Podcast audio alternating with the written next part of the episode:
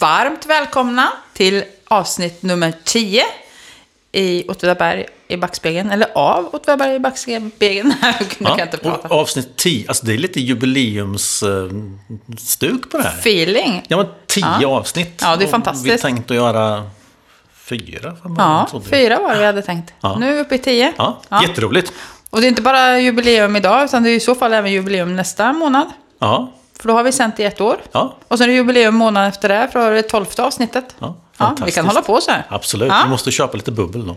Ja, det, ja, det Ja, måste så. vi kanske göra. Förresten, hej Camilla. Hej Broy! Mår du bra? Ja, jättebra. Och du, Ja. själv då? Egentligen, ja, jag mår jättebra. Egentligen hade jag tänkt att säga så här. Hur fi mår kon du fi idag kon? Kan du svara på det? Eh, nej, Nej. Och vet du varför jag eh, pratar så där konstigt då? fikonspråket. Ja, som vi kommer att komma tillbaka till. Ja. Mm. Har det hänt något sen sist eller kommer det hända något som vi ska påannonsera? Eh, ja, men det kan vi väl säga att vi i uh, Brukskultur Åtvidaberg kommer att anordna en berättarkväll på Hembygdsgården den 31 oktober. Då kommer vi berätta några, du och jag kommer vara där och berätta. Eh, bland annat, och vi kommer att prata om lite sanna och mindre sanna eh, historier kanske. Eller så. Mm. Det kommer säkert att bli trevligt. Vi, vi bjuder på kaffe. Ja, och det är klockan... 19.00, Hembygdsgården. Och man kan bara... Nej, man anmäler sig innan, eller hur? Ja, antingen så eh, ringer man 070 eh, 637 8562 och, då- och då, då svarar jag. Vad trevligt. Eller också så mejlar man till info.brukskultur.se. Ja, men du, nu måste jag fråga dig, när är sista anmälan? 18 Ja, men vilken oktober. tur. För då hinner man ju om man lyssnar på det här Ja, avsnittet. och men då måste man vara snabb. Jättesnabbt. Man har hela tre dagar på sig. Japp. Ja. Någonting om förra avsnittet, avsnitt 9, som handlade om Åtvidabergshus och Örköttersområdet. Mm, ja, Inte var- några kommentarer direkt sådär. Nej, nej. Nej, jag har fått in en kommentar. Ja. Ska jag läsa upp den för Ja, dig? absolut. Det är Gustav Adelsvärd som skriver att eh, jag lyssnade och gladdes åt Örsättersavsnittet som innehöll mycket nytt för mig. Och då blir jag ju lite så här, vi pratar ju mycket Maria Sleman och Jan Ja, Karl Adelsvärd. Mm. Och sen skriver han, eh, det du och Roy gör är viktigt, av hög kvalitet och underhållande. Hoppas ni får höra det av er publik, som jag gärna tillhör. Fantastiskt. Jätteroligt. Gott om dem. Ja, verkligen. jätte, jättekul. Och just Tack, det där kan, alltså säger vi jag, till Gustav. Ja, men precis. Och just det där med liksom att, att man kommer med någonting nytt som folk inte har hört förut. Precis. Alltså jag, jag, jag vurmar ju lite för det här med folkbildning och sådär. Och sådär. Och förra gången hade vi en samarbetspartner och det har vi den här gången också. Och vi är mycket glada och stolta att få säga att det är Klints Fastigheter som vi har att tacka för det här avsnittet. Och när, jag tänker, när du tänker på Klints Fastigheter, vad tänker du främst på då? Ja, men det är ju ett hus. Mm. Framförallt ett hus. Och då är det Åtvidabergs hotell och restaurang. Eller som man, många också säger, Klintahuset. Ja. Vi hade ju faktiskt uppe Klintahuset i, jag tror det var avsnitt två, med platser och Ja. Mm, hus i Åtvidaberg. Och jag hade frågat en del personer inför det avsnittet vad de kallade. Om de så, jag visade en bild på huset och Ja. frågade vad det hette. Och då hette det Klinta. Både av gammal som ung och av nyinflyttade och ja, naturligtvis för de som har bott i Åtvidaberg Mm. länge. Och nu när vi då är, har Klints Fastigheter som vår samarbetspartner så tänkte vi då passar vi ju på vad kan vara bättre än att ägna ett avsnitt till just detta fantastiska hus. Ja, men vi grottar ner oss totalt, Totalt. I, i det här huset. Ja. För det har ju, har ju en spännande historia. Ja, som inte så många känner till. Inte heller du och jag innan vi valde att gräva djupare. Nej, men precis. Nej. Och, och sen är det så att många Åtvidabergare måste ju ha minnen, egna minnen Mm. Ja. från långt tillbaka i tiden. Ja. Så redan nu uppmanar vi dig som har minnen och du känner att du vill dela med dig av de här. Vi behöver ju inte säga namn nästa gång, Nej. utan eh, man kan dela med sig. Eh, Så antingen kan man göra det på Åtvidaberg Backspegelns Facebook-sida. Mm. Till exempel, eh, vi lägger ut bilder från det här avsnittet och så. Eller så kan vi, man ju mejla, eller Ja, hur? ja, precis. Podcast snabela åt brukskultur.se. Nu får du säga det en gång till. Ja, podcast snabela brukskultur.se. Mm. Toppen.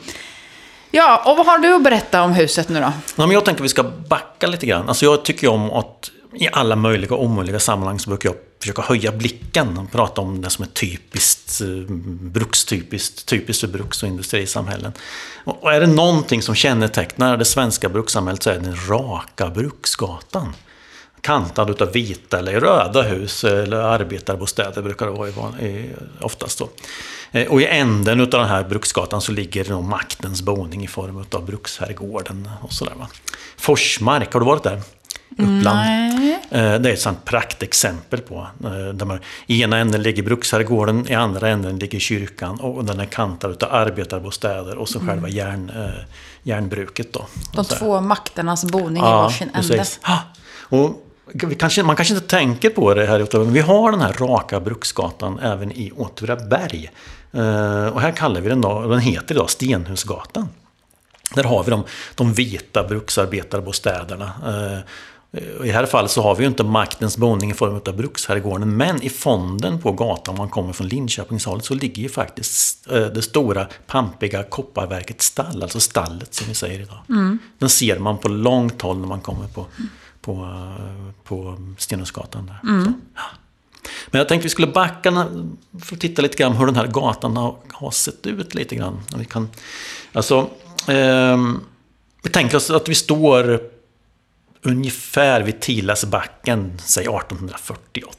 Mm, kommer alla ihåg var Tilasbacken låg? Ja, den är den, annars får man lyssna på avsnitt ett. Ja, precis. Nej, det är den som går ner mot samhället. Ja, ja. vi har polis, dagens polisstation i ryggen. Mm. Och 1848 så hade vi ingenting i ryggen. Då är det en stor betesäng. Med där lite ena, eh, ICA ligger idag? Ja, där mm. hela centrum ligger. Hela centrum, hela torget? Ja, Allt ja, är bara, stor, vad sa du att det var? En stor äng. Aha. Ja, där, där bruksarbetarna släppte ut sin boskap, där de fick beta. Det är ju helt otroligt. Ja, Och själva Stenungsgatan, eller Bruksgatan då, den, den, såg också väldigt annorlunda ut. Eh, de här vita arbetarbostäderna fanns, men Eh, de hade bara en våning. Så. Och 1845-46 så hade man byggt, då, som, som det står i, i, i de här relation, Kopparbergs relationerna, man byggt två stora enplanshus. Och det ena var då slaggboet.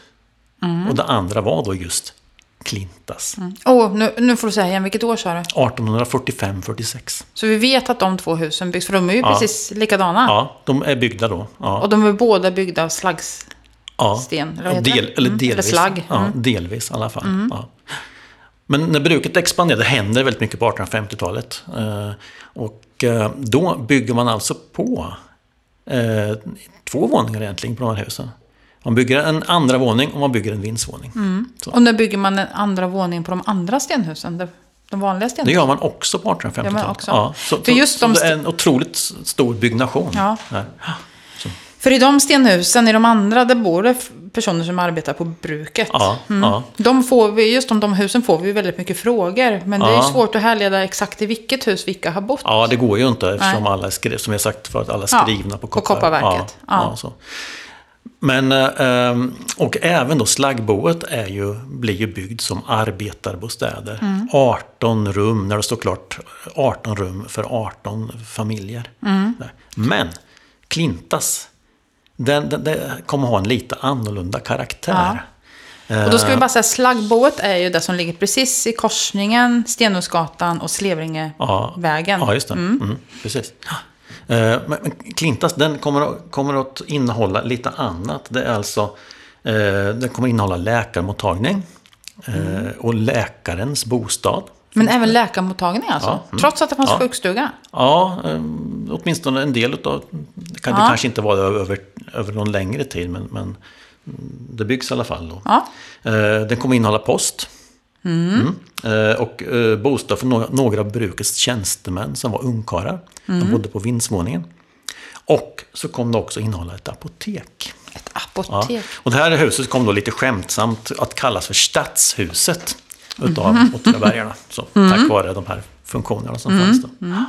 Så praktiskt att ha ett apotek så nära läkarmottagningen och mm. läkarens bostad? Ja, men visst. Ja. Mm. Och det här med apoteket det inrättades 1853. Mm.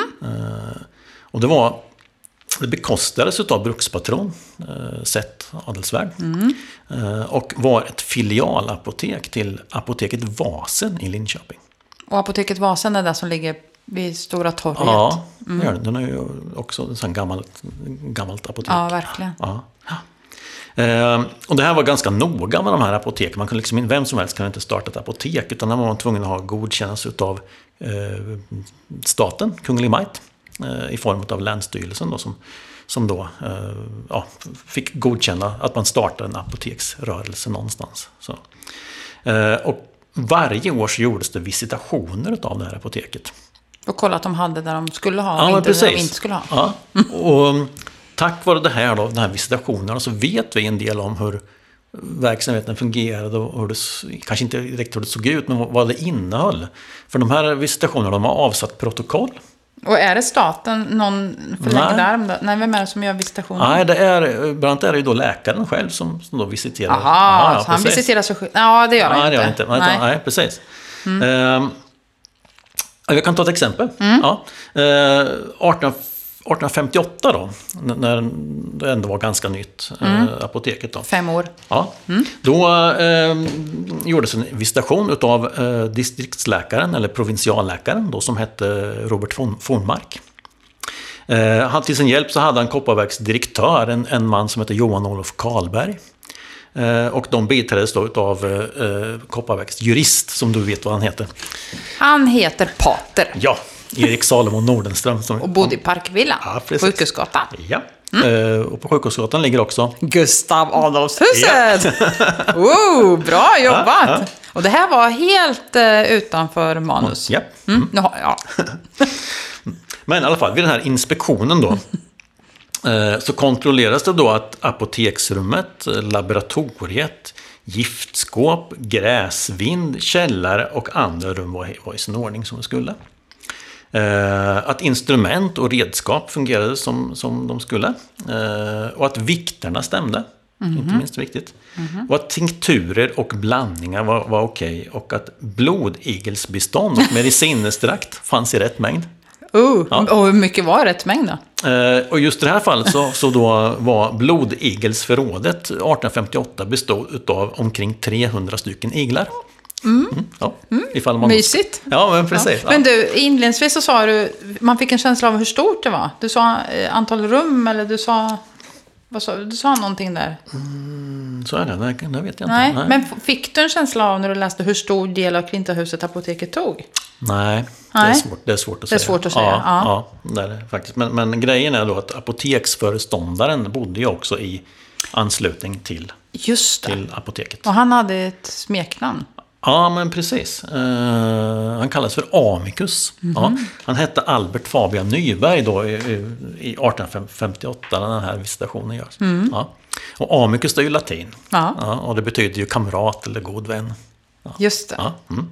Jag tänkte... Just det säger jag, det visste jag inte alls. Jag erkänner ändå jag läst latin faktiskt en gång i tiden. Ja. Eh, men man kan fundera på vad det fanns då i det här. Alltså vad innehöll Ja, det här förutom apoteket? blodiglarna. Ja, men precis. Eh, och det, står ju då eh, lite grann, eh, så jag har tagit några exempel här. Eh, man förvarade kamomillextrakter av olika slag. Ja, som man använde från, främst mot, mot hudsjukdomar och sådana saker. Mm.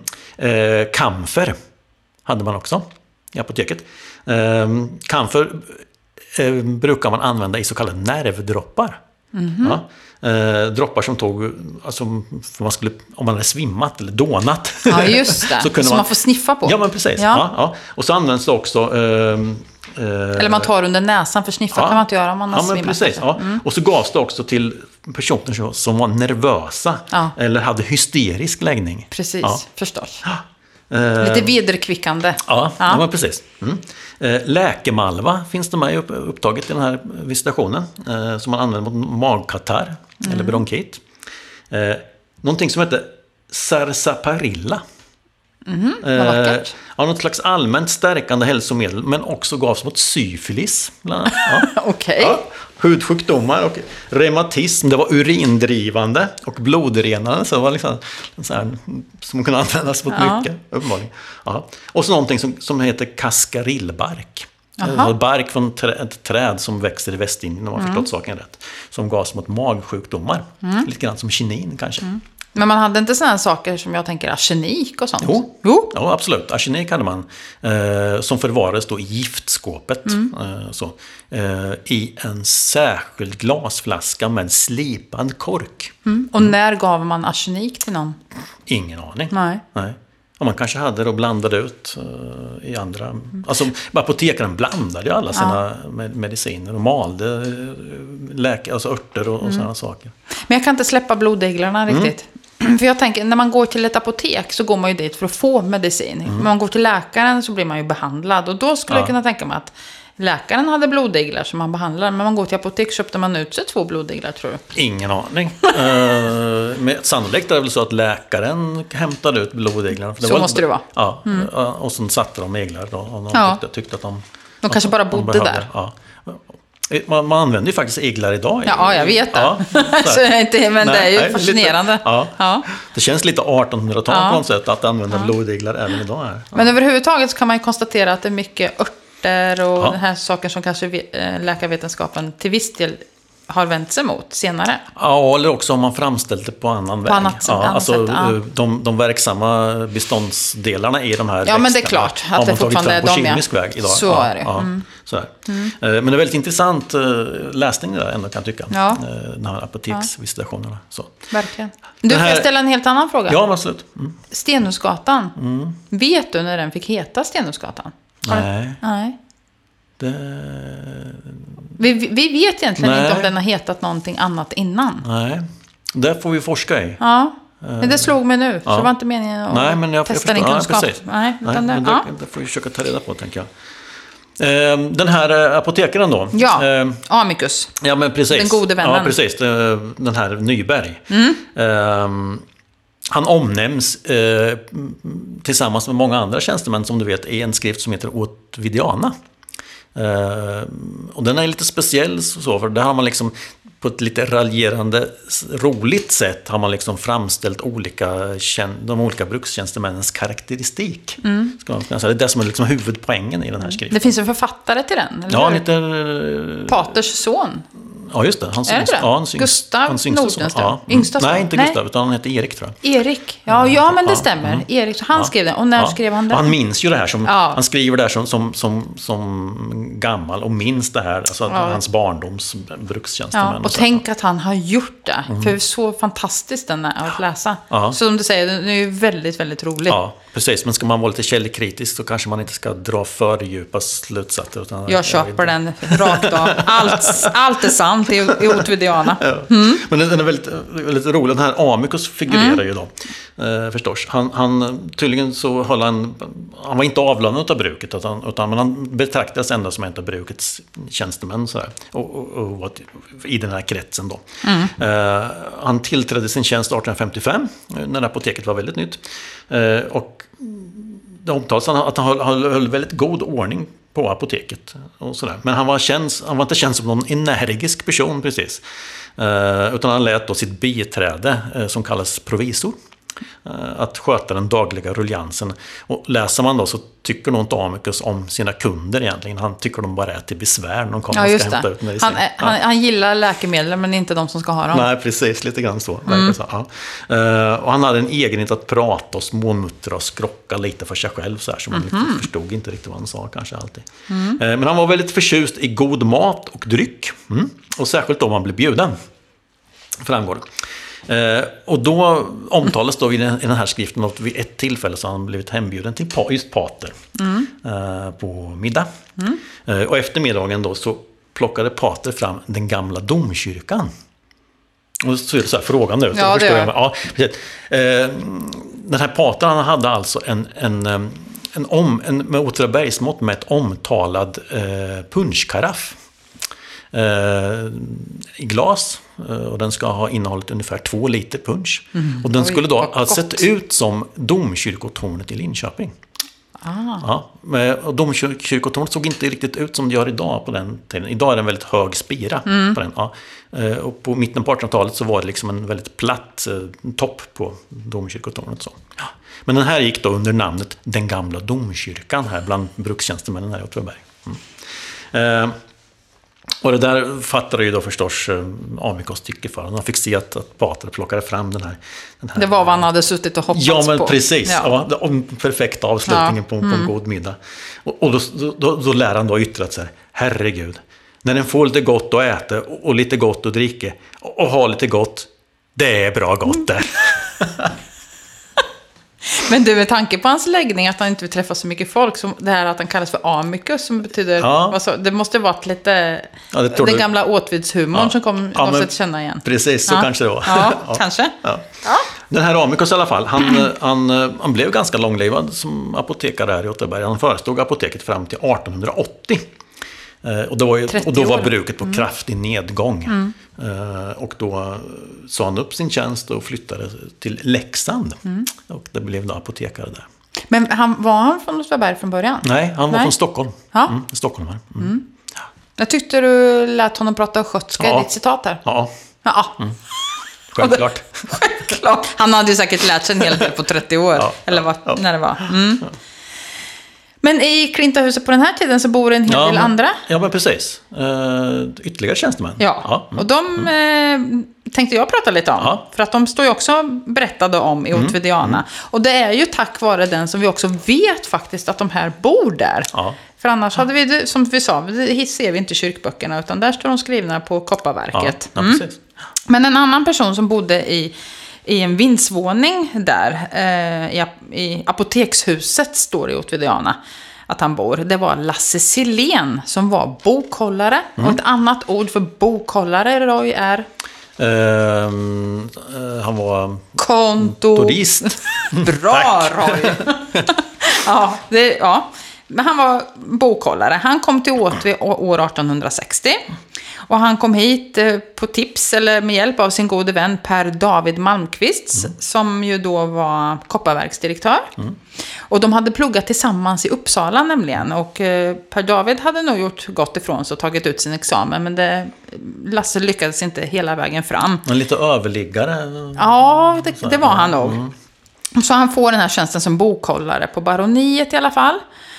Ehm, och han, det kanske var så att han under sin Uppsala-tid, sin studenttid, ägnade sig åt det som han också kom att ägna sig väldigt mycket åt även i Åtvidaberg sen. Nämligen glada studentsånger, gluntar och Bellmansvisor. Han tyckte nämligen väldigt mycket om att sjunga. Och som jag sa, det precis som många andra, eller som du sa, som många andra, framförallt ungkarlar i brukets tjänstemannastab. Eller framförallt, det var ju bara karar i brukets tjänstemannastab. Och de som då var ungkarlar bodde, många av dem, i vinstrummet i- i Klintahuset. Och Lasse han förblev ungkarl och han kom därför att bo kvar där i ungefär 20 år. Så han bodde ju där samtidigt som Amicus. Och han var som sagt känd som en gladlynt och underhållande person med stor vänkrets. Och han sjöng då, som jag sa, tills- gärna tillsammans med vänner, framförallt Per David Malmqvist och även en del andra. Och de träffades ofta på Malmqvists kontor som var i Kolkammaren. Mhm. Som är här nere, här nere så här, för vi Ja. sitter ju i... Ja, vi sitter nästan vid Vi, kolkammaren. sitter, ja, vi gör faktiskt det. Vi sitter granne till kolkammaren nu. Där träffades de ofta för att sjunga. Och inte sällan så kunde man, om man strosade runt på Kanonkullen eller Kanonudden en sommarkväll, höra eh, Lasse tillsammans med kanske en Per David och två till sjunga kvartettsång från någon båt som gled fram på Bysjön. Det låter ju så härligt. Ja. Det låter så mysigt med den här tiden. Ja. Och Lasse hade ju en stor vänkrets, men hans bästa vän var ju just Per David Malmqvist. Och han var ofta hemma hos honom och hans familj som bodde i Kammarbo. Och där gick han in och ut lite som katten, alltså som en familjemedlem. Han lekte gärna med barnen. Och de andra tjänstemännen, de diskuterade gärna politik, men det ville inte Silén, Lasse, göra. Han var mer intresserad av roligheter, vitsar och, och ordvrängningar. Som till exempel det här som jag inledde med. Fikonspråket. Precis. Och en form av baklängestal. Och det smittade han ju sina vänner med, så att många gick omkring och pratade så här, framförallt med honom då. Och fikonspråket, det, det handlar ju då om att man la till ett fi på ett ord och kon på det andra. Så att det blir hur fi, mår kon, du fi, idag kom. Mm. Väldigt raffinerat. Mm. Och att tala baklänges innebar att, man, att han bytte ut konsonanter eller stavelser i närstående ord. Och det måste jag säga, det har jag också roat mig mycket åt. Det finns väldigt många roliga sådana. De tänker jag inte säga här nu, för att jag tror, då då måste jag nog tillfråga fråga de här personerna innan jag avslöjar hur deras namn blir. Men hans eget namn blir till exempel Sasse Lillén. Om han byter S och L. Ja.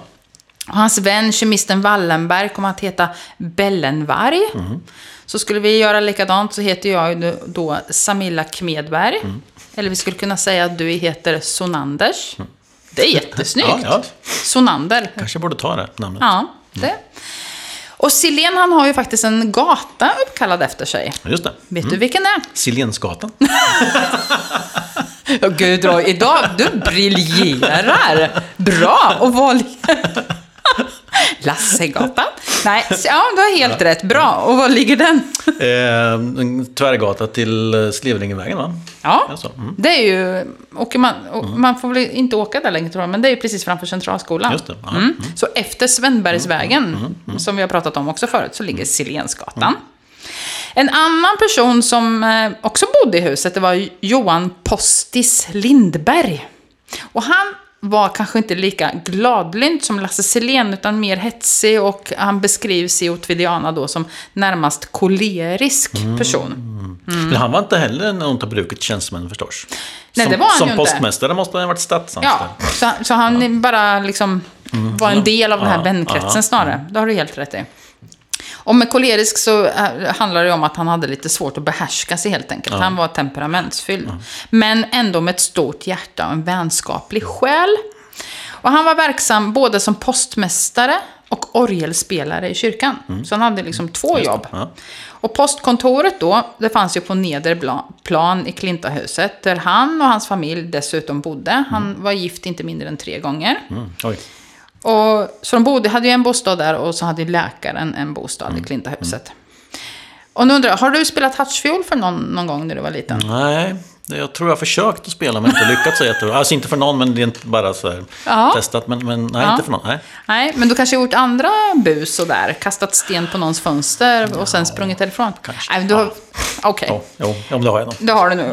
Och vem, då, oavsett om du har gjort det eller inte, vem tror du man väljer ut som offer när man gör Någon sådana som här bus? blir riktigt förbannad. Såklart. Ja. Så det mest spännande att spela hartsfiol gör man för de som, som har rykte om sig att komma ut med hagelbössan och, och vilja liksom skjuta unga, ungarna som gör det. Eller den arga tanten som bodde längst ner i höghuset där jag bodde i, vid Sunnerbotorget. Henne, hon var ju alltid arg. Hon bodde ju granne med hissen. Och hissen brukar ju vi eh, okynnesåka väldigt mycket i. Och hon kom alltid ut och skällde, inte alltid, men hon kom ut och skällde. Hon var väldigt arg om vi åkte upp och ner, vilket man ju har full förståelse för. När man nu förmodligen är i samma ålder. som den här men för, givetvis så var det ju jättespännande att knacka på hennes dörr och sen springa därifrån. För hon vart ju så väldigt arg. Och det här berättar jag då därför att det var ju exakt samma sak med Postis. Hans koleriska temperament var ju allmänt känt både bland vuxna och barn. Som båda de här målgrupperna skämtade och retades med honom på olika sätt. Och framför postkontorets fönster så satt det en bläcklucka. Och den skulle man knacka på för att Postis skulle öppna. Och inte helt ovanligt var ju då att man okynnesknackade en hel del på den. Och han blev ju naturligtvis, precis som man ville och hade förväntat sig, ja, helt galen och kom ut och jagade de här pojkarna som det ofta handlar om då. Eh, och framförallt så var han ju helt galen om han hade varit uppe hela natten och sorterat post och låg innanför luckan och sov en välbehövlig sömn. Det är fullt förståeligt. Men han var i alla fall känd för att sköta postkontoret, oljespelandet oklanderligt. Väldigt korrekt. Men dock var det inte ovanligt att man kunde se honom komma springandes på väg till gamla kyrkan. Den nya fanns ju inte på den här Nej, tiden. nej. Så den gamla kyrkan som vi säger idag då. Eftersom han alltid var ute i sista minuten. Då sprang han upp, in i kyrkan, upp på läktaren, tittade i farten vilken psalm som, skulle, som stod uppskriven du vet, på svarta tavlan där framme. Och så satte han igång. Och den enda gudstjänst som han inte fick spela var på julafton. Därför att då skulle musikdirektören spela, hade baron bestämt. Och vem var musikdirektör? Han hette Böme då kanske?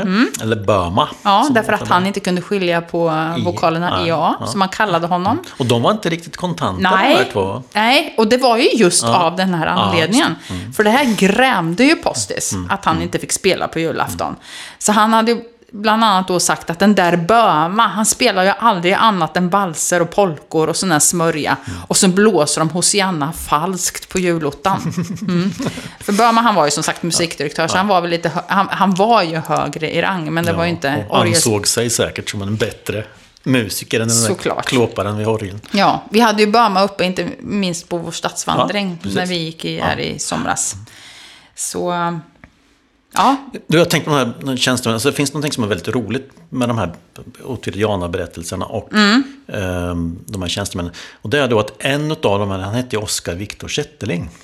Mm. Han var, eh, jobbade på brukskontoret som kassör först, men fick sen tjänsten som eh, gruvfogde i mormorsgruvan. Och hans fru, Augusta, Augusta. Zetterling, hon var ju fotograf. och hon, dotter till Böma. Ja, och hon har fotograferat eh, väldigt många av de här tjänstemännen. Mm. Så vi vet hur de ser ut, de här människorna. Det är lite häftigt kan jag tycka.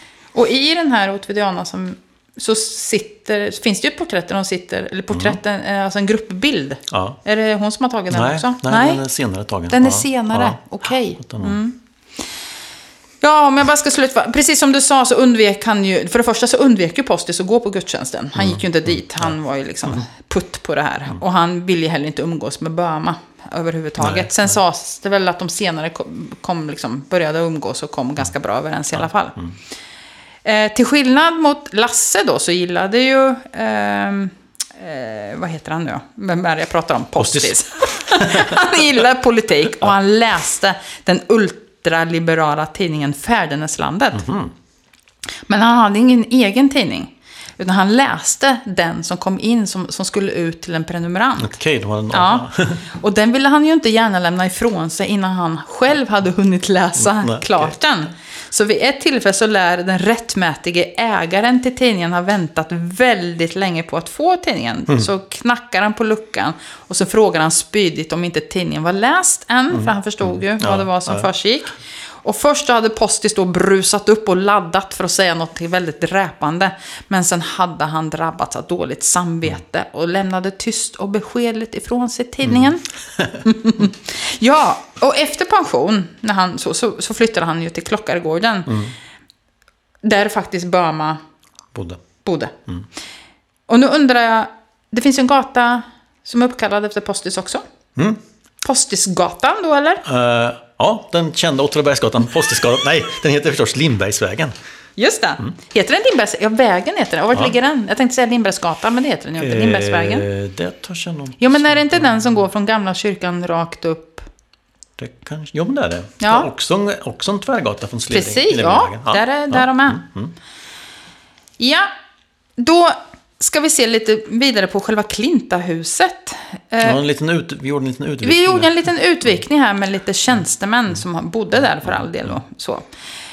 Om vi går in, sen, du pratar 1800-tal. Ja. Mm. Om jag går in på 1900-talet så, så fanns det ju inte längre något postkontor här. Nej. Men det var fortfarande en läkarbostad. Ja, Det var ju nära till sjukstugan. Det liksom, de hade väl bara att gå backen upp där ja, till Sjukhusgatan.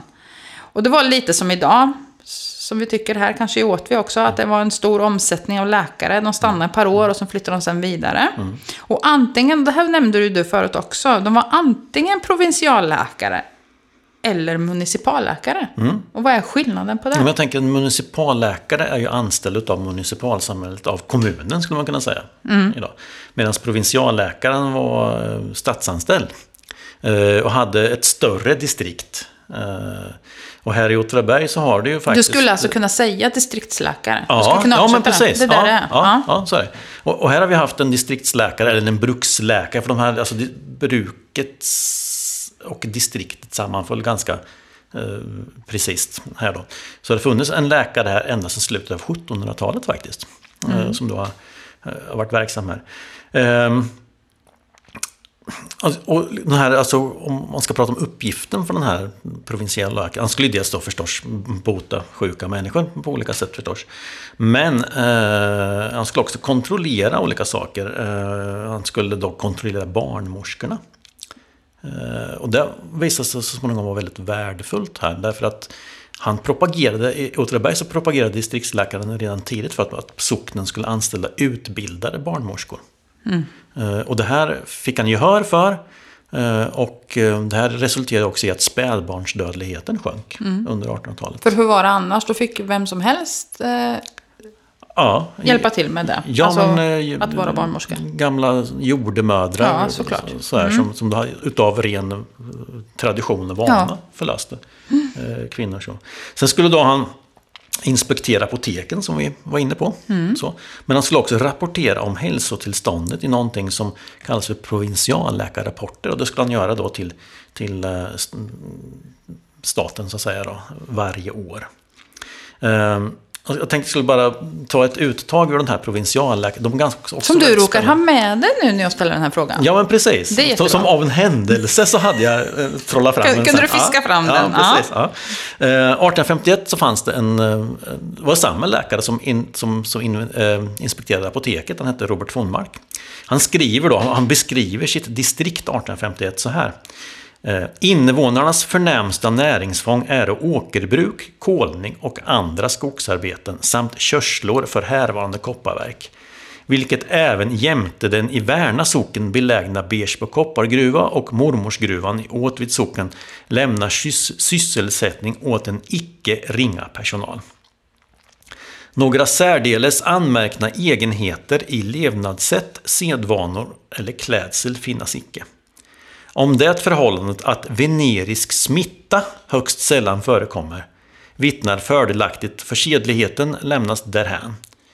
Till i, till i digestionsorganerna ofta förekommande kroniska sjukdomar torde till en någon del orsaken kunna spåras i ihållande och ofta omåttligt bruk av starka drycker. Vad, vad betyder det där som Det du betyder- inte kunde uttala nästan? Ja, det betyder alltså att det fanns ehm, kroniska magåkommor Aha. bland befolkningen här. Som man kunde härleda till som mycket? han härledde till han att de super för mycket helt enkelt. Aha. Ja.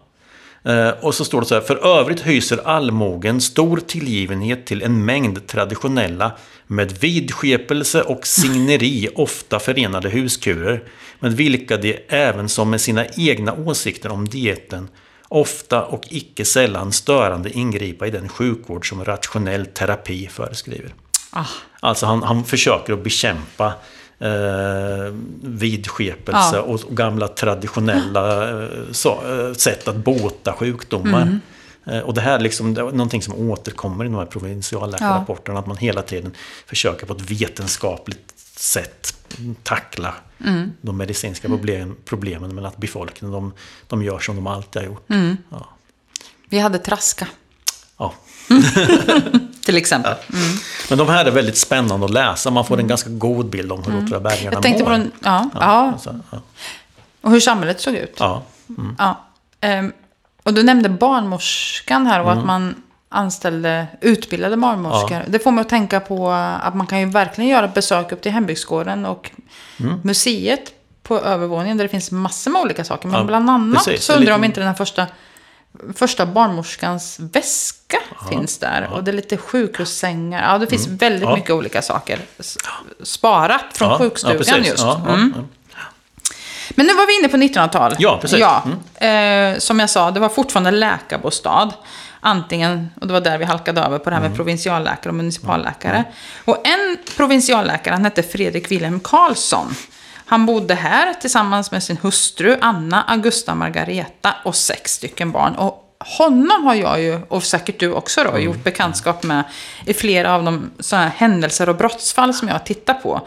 Bland annat, bland annat så var det ju just han som tillsammans med kronolänsman knackade på Anna-Charlotta Hulters dörr. Som låg i, alltså han hade en lägenhet ovanför Rotboden. Och det här var den 10 april år 1904. Därför att man misstänker att hon har dödat ett, ett barn. Mm. En annan läkare som, jag vet inte, vi kanske kommer lägga ut lite bilder sen, men en, en, en bild jag sett av en läkare är Sven Oskar Högberg. Som sitter just utanför sjukstugan tillsammans med sin hustru Elsa och deras nyfödda dotter Britta.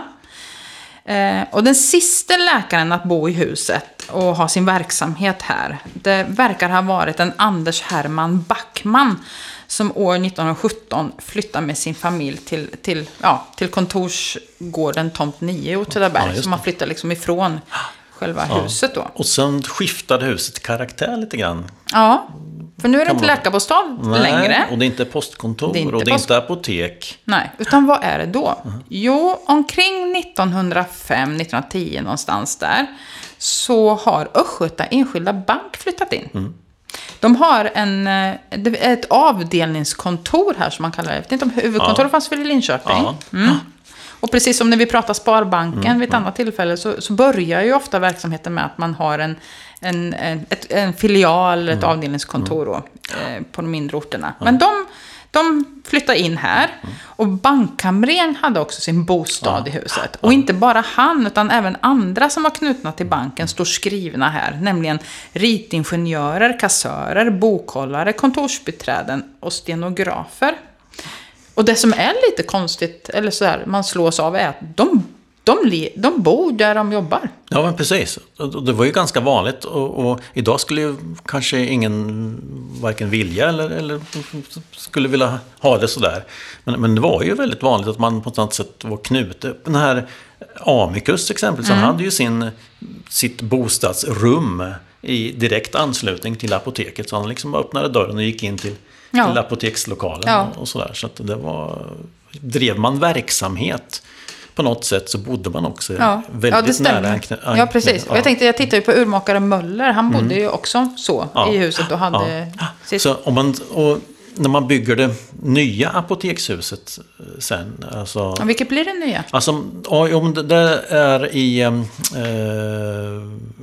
kvarteret Getingen. Mhm. Eh, den Ett ga- hus, ja, precis bakom där. Ett hus som inte finns kvar Nej, idag. precis. Den, Det som, den, ja, ja, det, det nya apotekshuset byggdes för apotekaren som bostad, men också då som apotekslokal.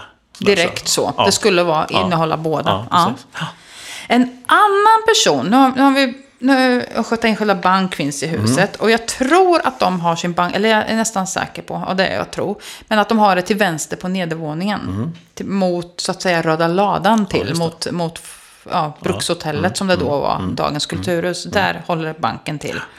Men en annan person som bor här och som jag blev väldigt glad över att hitta, det var Karl Karlsson. Namnet är kanske, säger det dig något? Nej. Nej, han var kronolänsman. Jaha. Och jag vet att jag vid något tillfälle har ställt frågan till dig om Jo, du men just visste. det. Ja, ja. Ja. Karl Karlsson. Karl Ja, Karlsson, ja. ja, men Kalle Karlsson, ja, men Ja, känner ja. vi. Han blev ju senare landsfiskal. Han bor här tillsammans med hustrun Gerda Kristina, tre söner och en dotter. Och, det roliga nu är ju att jag vet att jag ställde frågan, jag vet att jag var så ivrig att försöka hitta var han bodde någonstans. Och jag försökte leta i kyrkböckerna och det är ju totalt omöjligt att hitta någon i alla dessa tusentals sidor så och gå igenom. Så det gjorde jag ju inte. Och nu när jag äntligen hittade honom så blev jag så glad. Men nu kommer jag inte längre ihåg varför jag vill hitta Men jag, det skulle kunna varit så att jag hittade något fall där, man häm, hämtar honom. Och att jag tänkte hur långt hade han att springa eller...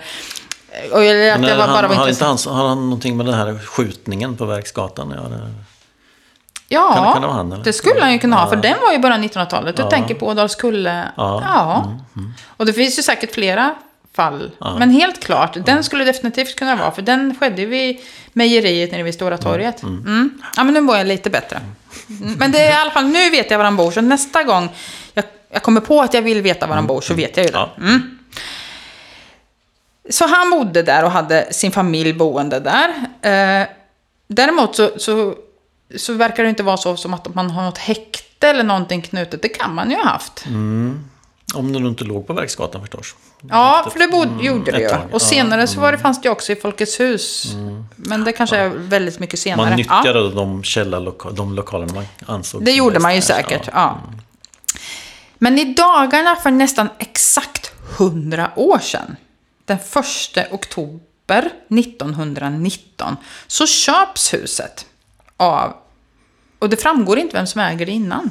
Eller vet vi det? Nej. Det kanske är bruket Utan nu, som är- Ja, det är förmodligen bruket. Ja, Men nu köps huset av en annan person, nämligen plåtslagerifabrikör Gustav Filip Johansson. Mm. Som flyttar in tillsammans med sin hustru Agnes Nilsson. Och de, kommer från, de flyttar in från Orrefors i Småland. Mm. Och de är omkring 40 år de här båda. Och de har inga barn. Eh, nu har jag skrivit där att det är fortfarande läkarbostad. Ja, men det har jag ju sagt att det är. Ja, men nu är jag totalt förvirrad. Ja, men precis. Det är fortfarande där. Läkarbostad, bank, Carl Karlsson och sen ägs det nu av plåtslagerifabrikör Gustav Filip Johansson. Precis. Och Agnes då, hans hustru, eh, det här är lite särskilt intressant, för i kyrkböckerna så tituleras hon nämligen hotellvärdinna. Det står under anteckningar att hon har hotellrörelse med mera. Och det är ju för sig logiskt kanske. Jag tänker, eh, här har man ju haft ett brukshotell då sedan 1869-70. eh, I det som vi idag kallar för Kulturhuset. Eh, men 1916 så tas den byggnaden över av arbetarrörelsen. Och då finns det inget hotell på ort- orten. Nej, så det fanns ett behov här. Ja, precis. Jag tänker efter då när första världskriget har tagit slut och kanske industrierna börjar få snurr på saker och ting igen. Så kanske då finns behovet då. Just det. Och nu måste jag bara säga med läkarbostad igen, för jag vart ju så förvirrad. Den sista läkaren sa ju innan, lämnade ju 1917, så vi är ju precis i skarven här. Så är det ju. Eh, Men sen 1919 så finns det alltså hotellverksamhet i Klintahuset i Agnes regi. Så långt tillbaka så trodde vi ju ändå Nej. inte, när vi började titta på det här, att det Nej, faktiskt har nej. varit hotell.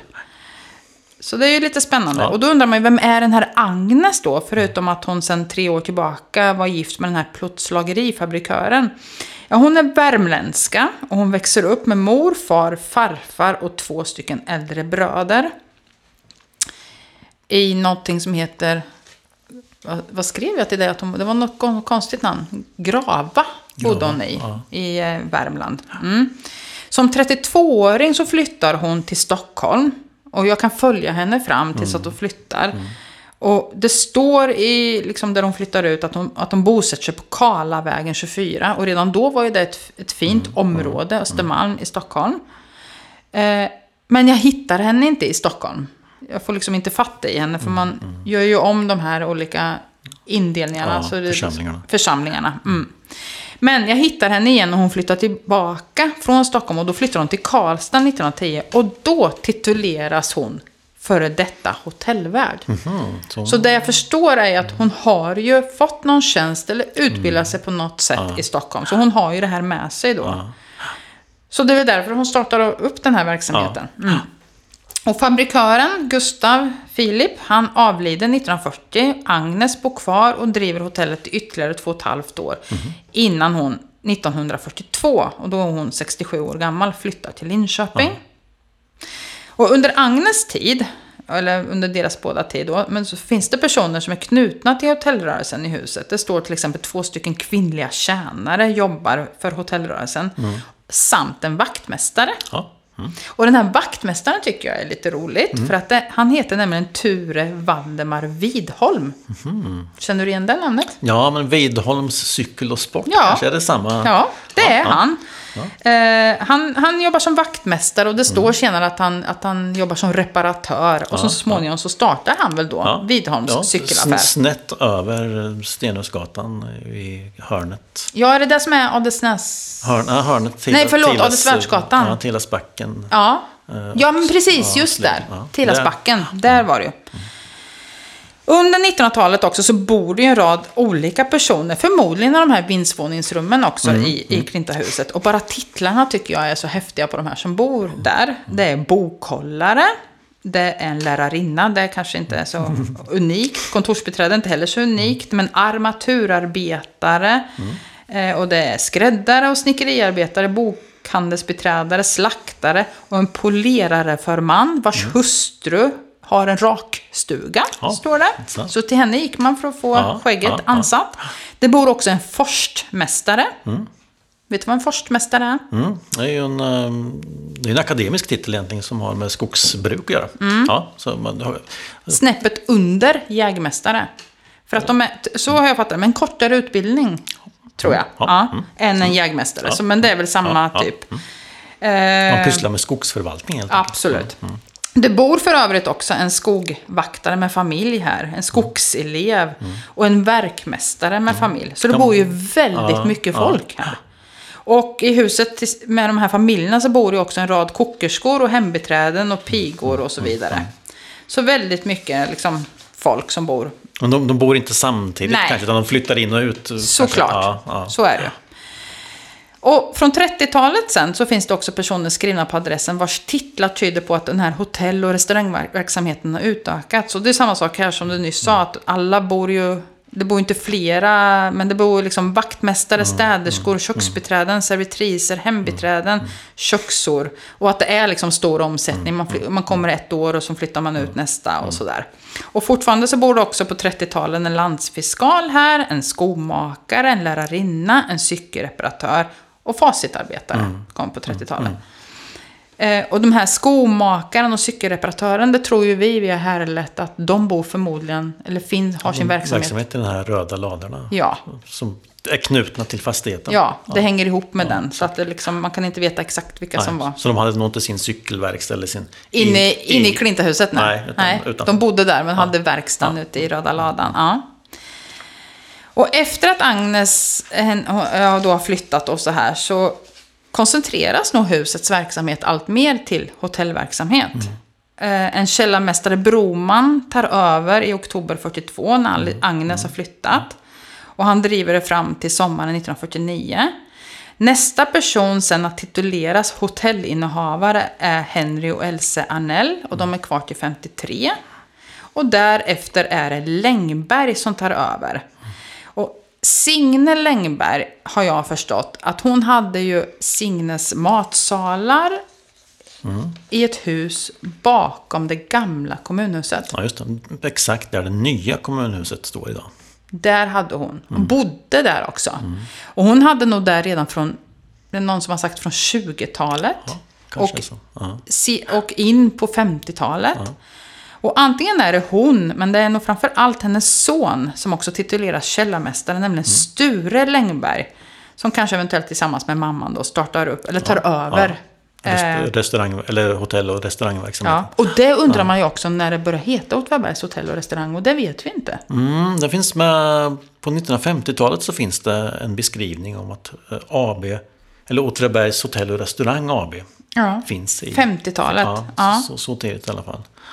Så det är ju här någonstans när det blir mer, ja, absolut etablerat. Kanske någonstans där efter Agnes. Mm.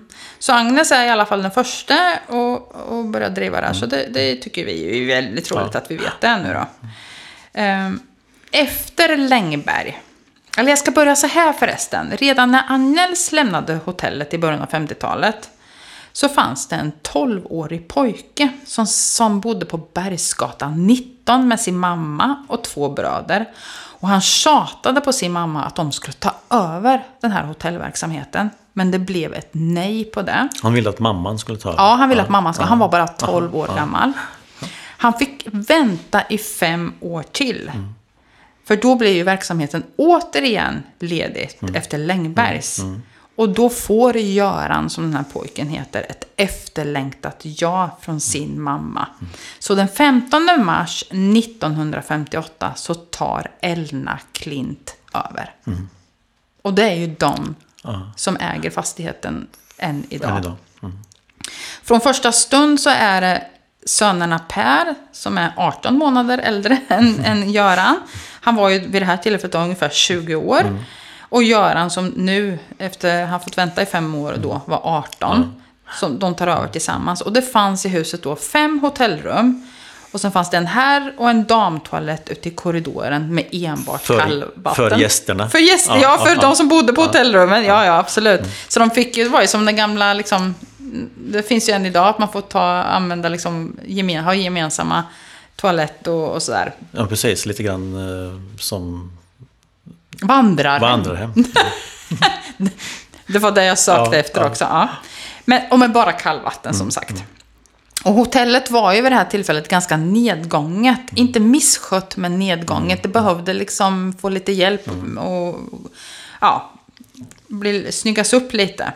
Men de hade från början väldigt god beläggning, berättar ju Göran Klint för oss. För vi har ju faktiskt Ja, träffat ja, honom. Eh, för Åtvidaberg befann sig i ett expansivt skede tack vare Ja, men facit var ju sina glansdagar. Ja. Och det fanns ju inget annat egentligen hotell för, för gäst... Alltså, och, och facit, till facit kom det väldigt må- många gäster så att säga, Mm. eh, utifrån. Och de, de fick ju bo hos eh, respektive tjänstemän då. Mm, Och, och då förstås då på, på Åtvidabergs hotell. Ja. Sen bygger man i stallet sen och då liksom får man ju en annan kostnad. ja. Och också ett behov av att vända sig till någon för, för att arrangera, eller för att liksom med mat för tjänstemannamiddagar och sådana saker. Ja, mm. Och senare, jag vet inte exakt när de köper huset, utan här skriver de ju över och tar över själva verksamheten, Mm. hotellet då. Men det fanns, berättar Göran för oss, också annan verksamhet i huset runt 58 då när de tar över, förutom hotellet. Kommer du ihåg vilka han nämnde?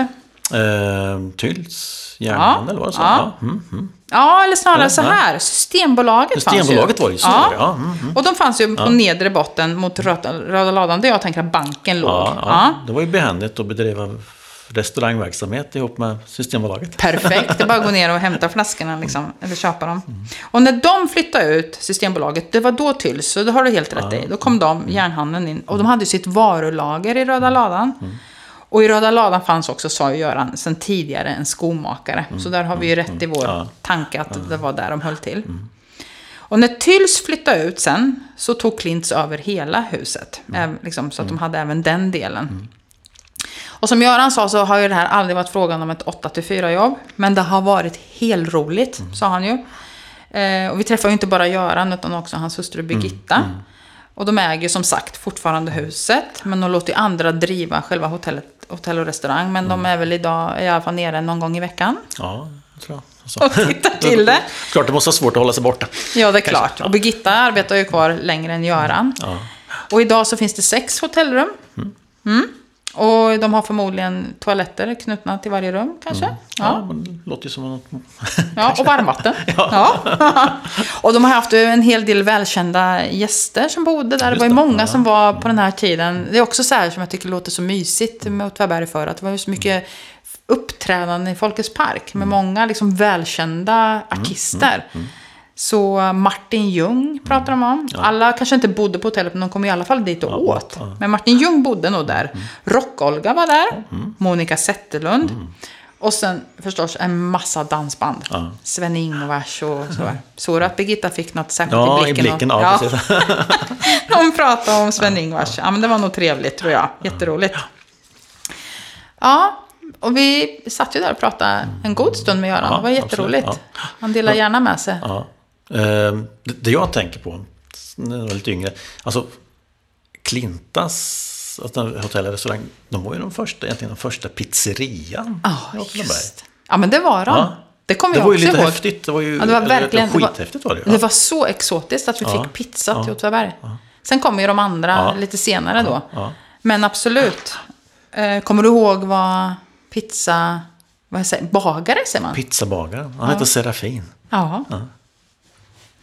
Fantastiskt. Är något annat du tänker på? Som eh, du kom... Ja, men han pratade ju om det, att de var väldigt tidiga ute med, med catering. Ja. Alltså de lagade mat och körde ut och hade ju, vad jag förstod, ett ganska stort upptagningsområde. Alltså från Småland upp till norra Östergötland. Ja, men just med det. Sörmland. Ja. De sa att förutom Sjögesta och Horns hotell så var de ju ensamma på catering då. Mm. Ja. Det var ju, ja. Så hon får runt där i bilen, Birgitta, bland annat med pizzor och kastruller och grejer. Ja. Och, ja. Till, och med jag, till och med jag har gjort en resa.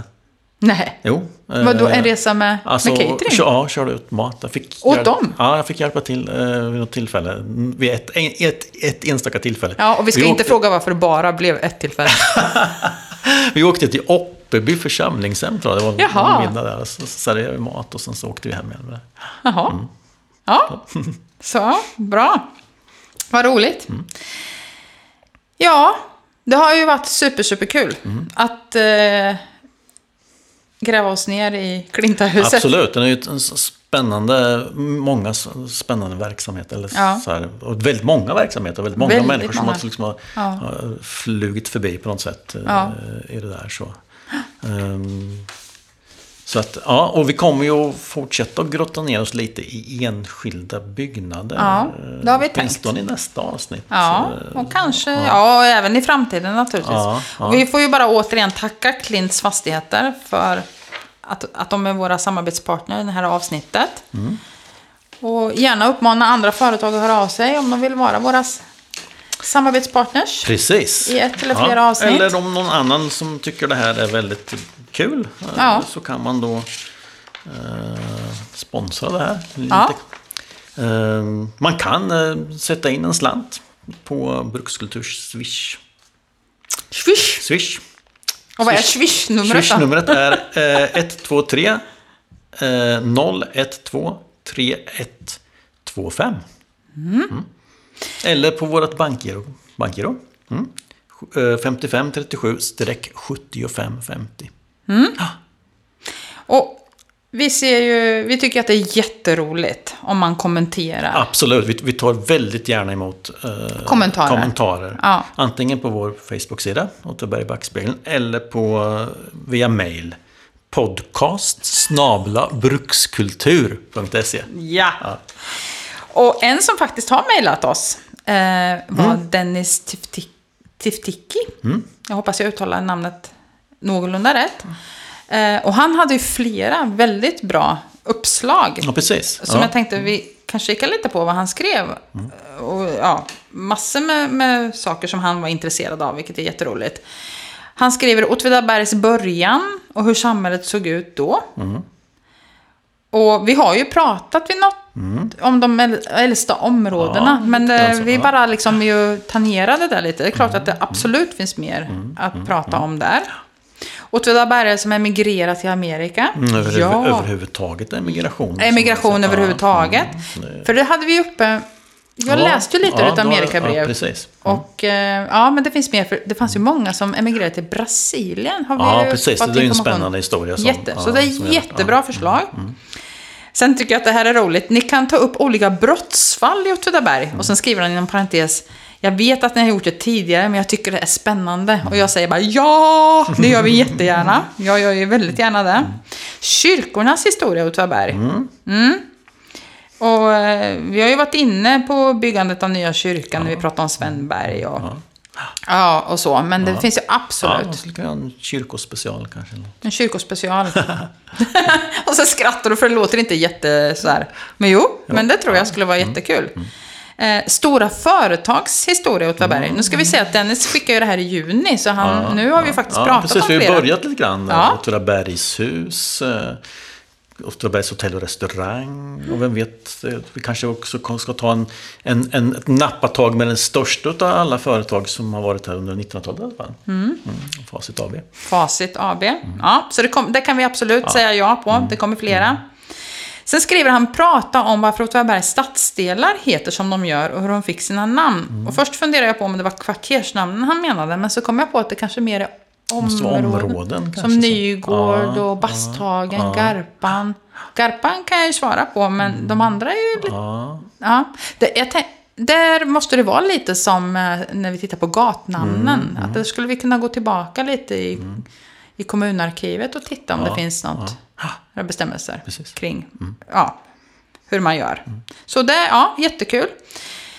Kan ni prata om Åtvidaberg och invandring, skriver han också, som sista förslag. Exempelvis arbetskraftsinvandring till Åtvidaberg och vilka länder de kommer ifrån. Jag vet att många valloner bosatte sig i Norrköping och Finspång. Men jag vet inte om några valloner bosatte sig i Åtvidaberg. Kan ni ta reda på det? Du, Jag tror du har ett litet kort svar där. Ja. Just när det gäller vallonerna. ja. Nej, alltså vallo- Eller- vallonerna pysslar ju med järnframställning. Ja. Ja, och här framställer man koppar, så här har det inte funnits några större inslag av valloner. Eh, Nej. Åtminstone inte här i Åtvidaberg. Möjligen då i Forsaström, Forsaströms järnbruk. Mm. Ja. Och det är lite spännande med arbetskraftsinvandring.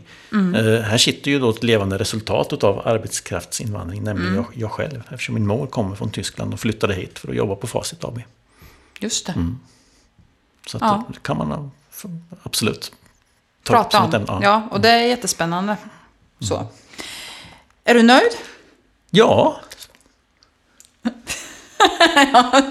Ja, vad bra. Ja. Du ser väldigt nöjd ut. ja, ja. det tycker jag. Ja. Ja, ja. Ska vi Runda av lite. Ja, ska vi säga så? Ja, det gör vi. Ja. Mm. Ja. Hej då! Hej då!